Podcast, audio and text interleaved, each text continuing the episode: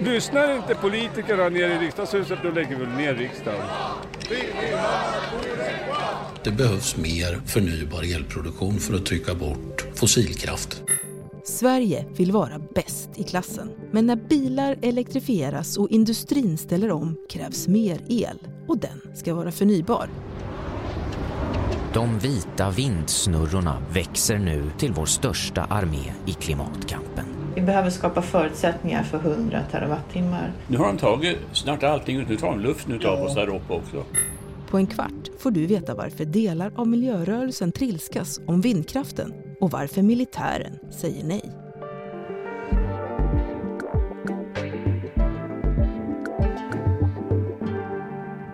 Det är torsdag den 24 juni och jag heter Erika Dreis.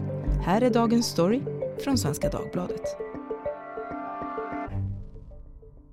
Micke Törnvall, reporter på SvD Näringsliv som bevakat energipolitik i många år. Sverige ställer om och det är många som jublar över det. Men oavsett vad man tycker eller står politiskt så kommer ju elförbrukningen att öka markant framöver. Vilka är de stora elmonstren som vi ska mata? Jo, men det är ju flera stycken. Nyfödda och snabbväxande hungriga monster vi pratar om. För faktum är ju att eh, fram till nu har vi lyckats minska elförbrukningen i Sverige varje år tack vare olika smarta eh, energieffektiviseringsåtgärder. Men nu vänder den trenden och det beror ju på flera saker. Vi ska skaffa elbilar och de drar en massa energi. Och vi håller på att ställa om industrin mot fossilfri tillverkning och då ska vi tillverka fossilfritt stål. Vi ska tillverka fossilfritt cement och det kommer att kräva ännu mera energi. Och faktum är att bara den här satsningen på fossilfritt stål kommer att kräva mera energi än hela den svenska industrin använder idag. Mm, det är en utmaning onekligen. Men varifrån kommer då vår el? Hur mycket är liksom förnybart och vad är annat? Ja, men det beror ju lite på hur man ser på saker och ting. Därför att eh, man tvistar lite grann om vad är förnybart och vad är klimatvänligt och så vidare. Eh, så vi får börja egentligen med att skilja mellan vad som är fossilfritt, det vill säga vad som inte släpper ut växthusgaser och vad som är faktiskt förnybart. För i stort sett all el i Sverige idag är faktiskt fossilfri. Det kommer från kärnkraft, det kommer från vattenkraft, det kommer från vindkraft och sen lite eh, kraftvärme annat som släpper ut eh, växthusgaser.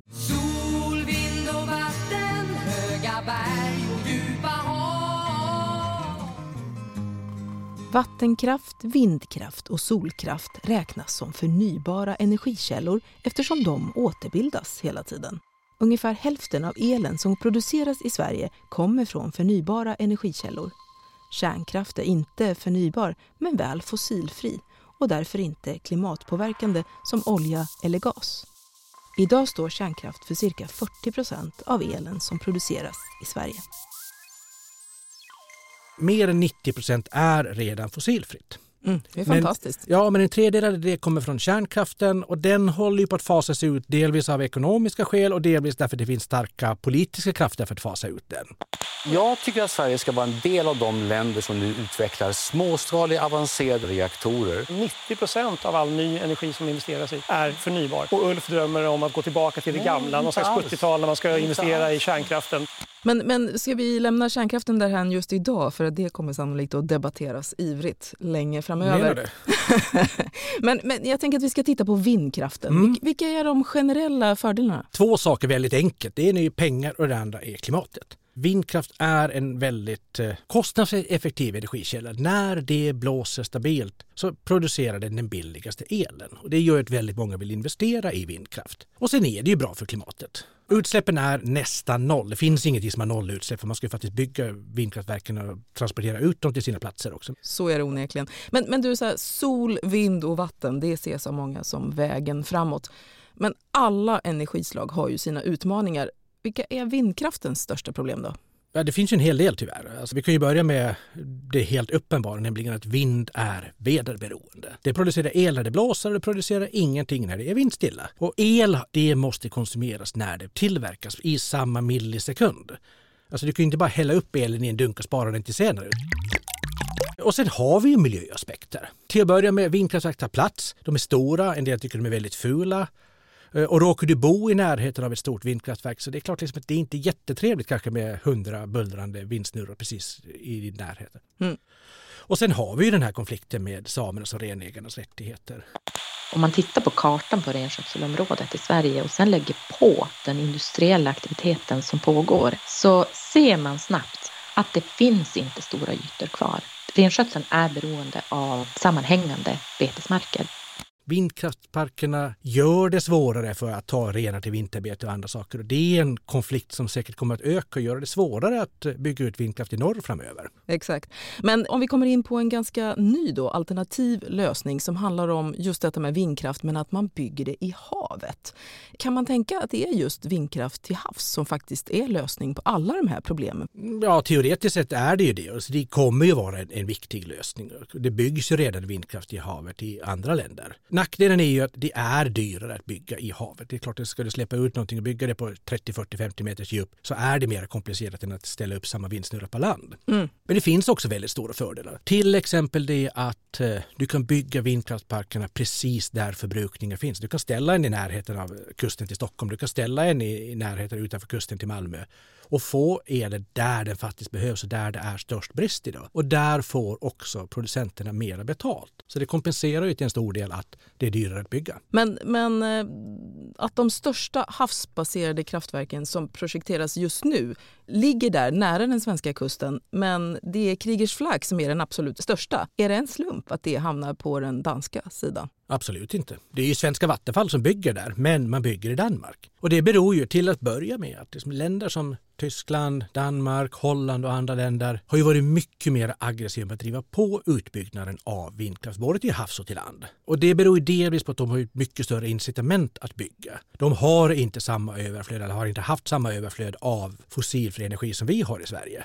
Det är först nu vi får problemet att... Som kommer från vår vattenkraft också, va? utbyggda älvar och annat? Ja, vi har vattenkraft, vi har kärnkraft och vi har ändå ganska mycket vindkraft redan nu, men inte alls lika mycket som Tyskland. Det har räckt hittills, vi har inte haft ett behov av att stressa på. Och det har också gjort att vi har en otroligt mycket mer komplex process för, att, för tillståndsprocess helt enkelt. Industrin har ju berättat för mig det kan ta 7 till 10 år att bara få tillstånd att börja bygga. När man ska bygga vindkraft i andra länder då pekar staten ut ett område och säger att här tror vi att det kommer att gå bra att bygga vindkraft. Vi fixar alla tillstånd. Kraftbolagen får buda på de här tillstånden och när de vinner då är tillstånden i stort sett klara. Det är bara att sätta igång och bygga. I Sverige funkar det så att ett kraftbolag får, på egen hand får komma på att men här kanske vi vill bygga. Sen får du börja söka tillstånd och ska förhandla med kommunen och ska förhandla med kraftbolagen som ska ta hand om elen och bygga kraftledningar och de ska förhandla med länsstyrelser och allt möjligt. Och sen när de är klara med det så kanske militären kommer att säga nej. Mängden el som kommer från vindkraft kan behöva fyrdubblas om vi ska nå klimatmålen. Teknikutvecklingen till havsbaserad vindkraft är en av de drivande komponenterna för att sänka produktionskostnaden. Vindkraft till havs söker sig till djupare vatten när det byggs allt större och kraftfullare vindsnurror. Bättre för att de kommer längre från kusten där det blåser som mest och dessutom närmare de stora elslukande industrierna. Det blir just mindre av målkonflikter. Så att det är där den stora expansionen kommer att ske framöver. Men då säger militären nej och hävdar säkerhetsskäl. Någonstans verkar det vara som att den svenska militären är mera benägen att hålla på sina intressen än kollegorna i Tyskland och Danmark. Och det kanske beror på politiska beslut, det vet jag faktiskt inte. Och det är lite svårt att veta exakt hur militären resonerar alltid, för de ger allting väldigt generella kommentarer, typ att här finns ett eh, övningsområde eller det här strider mot militära intressen. Eller så säger de ingenting, de bara säger att här ska det nog inte byggas. Nej, men, men om det nu är militären som sätter sig på tvären gällande vindkraft till havs just nu så brukar det ju ofta vara miljörörelsen lokalt som protesterar när det kommer till sådana här stora satsningar som ju förstås påverkar miljön just där de bor. Vad säger du om det? Där har vi något i my backyard-problemet. Att miljörörelsen lokalt och ibland också Miljöpartiet lokalt tenderar ju att vara mera emot än vad miljörörelsen på nationell nivå är. Kolkraft mot vindkraft! Kolkraft mot vindkraft! För när man pratar med Naturskyddsföreningen och andra så är de väldigt tydliga med att det här måste hända. Och jag intervjuade precis eh, klimatexperten på Naturskyddsföreningen som sa att ja, vi vet att vindkraft både till havs och till land har negativ effekt på miljön. Men vi har ett mycket större problem att lösa och det är klimatkrisen. Försvar eller klimatkris kanske då? Okej, okay, det var lite tillspetsat. Ja, men det är ju så de ser det faktiskt. Ja. De mm. säger det, liksom, att vår största eh, hot mot Sverige just nu är klimatfrågan. Det är det vi måste försvara oss mot. Varför är militären emot? Så mm. det är deras eh, tankesätt. Verkligen. Och vad är då vägen framåt? För finns det någon sån så vill vi ju gärna veta den. Man måste nog börja någonstans och komma tillbaka till det här med liksom att ingen vill bli påverkad. Man måste medge från alla intressenter att omställningen kommer att påverka folk och verksamheter på olika sätt. Det finns ingen grön omställning där ingen drabbas. Liksom det finns liksom någon sorts naiv tro att allting ska vara bra och fint och sol, vind och vatten och ingenting som stör mig. Men eh, det spelar ingen roll om vi ser det på ett svenskt perspektiv med 10 miljoner människor som ska ställas om eller hela världen på flera miljarder människor som ska ställas om. Det kommer att få negativa effekter. Och jag tror att början på att klara av det är att man erkänner det och att man börjar ställa olika problem mot varandra. Mm. Men det här med, jag, jag, tänker att jag skulle vilja utgå från, från Not in my backyard då, för jag är lite orolig. Kommer det komma vindsnurror och skymma sikten överallt? Inte överallt, men det är klart liksom att till början måste vi konstatera att de kommer att synas. För de, vi pratar om 200-250 upp till 300 meter höga stora vindsnurror. Högre än Kaknästornet i Stockholm och högre än Turning Torso i Malmö. Ja, men jag kan förstå att eh, det kan kännas som ett intrång både visuellt eh, men också att det är ljudet som alstras. Det är klart att de syns även om det är många kilometer ut i havet. Men den goda nyheten är ju att dagens och morgondagens vindkraftverk är otroligt effektiva. Så tar du en yta på säg 10 gånger 10 kilometer räknade Energimyndigheten framåt mig, då har du lika mycket produktion som en liten kärnkraftsreaktor. Så det är inte så att liksom du måste fylla hela den svenska kustlinjen med vindkraftverk. Men har vi i Sverige ett elnät som klarar av att transportera el från tillverkningsplatsen till exempelvis de här stora monstren som vi nämnde i början som kan vara då H2 Green Steel eller Preem? Nej, det har vi inte.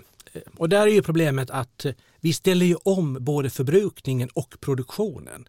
Så tidigare så visste vi liksom att vi behövde elledningar för att flytta elen från vattenkraftverk i norr och från kärnkraftverken till några få storstäder.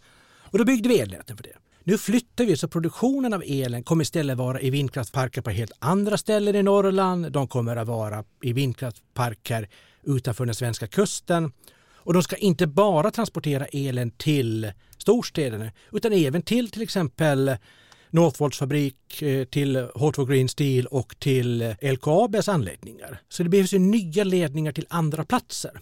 Mm. Och det där är ett problem därför att även då Svenska kraftnät lever under samma regler som alla andra. Så även de måste vänta 5, 6, 7, 8 år på att ens få tillstånd att börja bygga sina ledningar.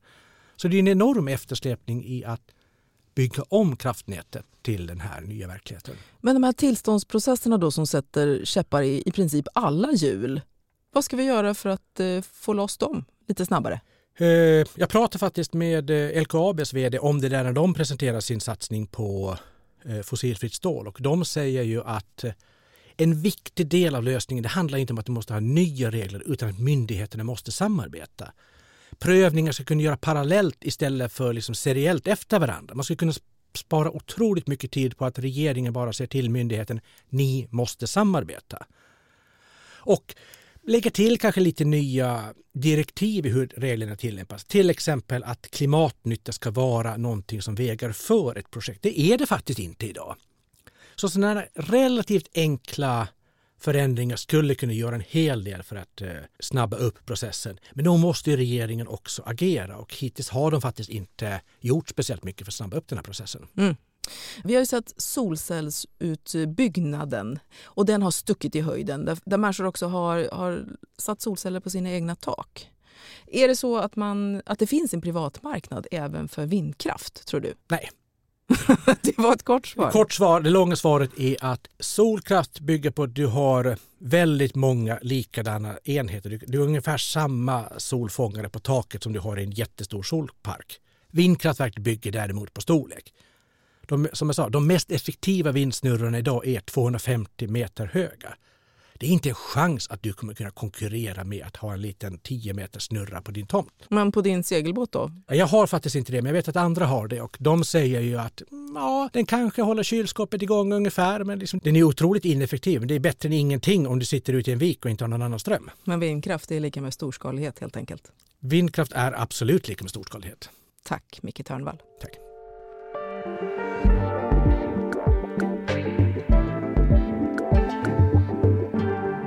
Vi som gjorde programmet idag var Siri Hill, producent, Maria Jelmini, redaktör och jag heter Erika Treijs. Du har lyssnat på Dagens Story från Svenska Dagbladet. Vill du kontakta oss så mejla till dagensstory.svd.se. Ljudklippen i programmet kommer från Sveriges Radio, SVT och The Telegraph. Och så hörde vi en bit av Ted Gärdestads låt Sol, vind och vatten.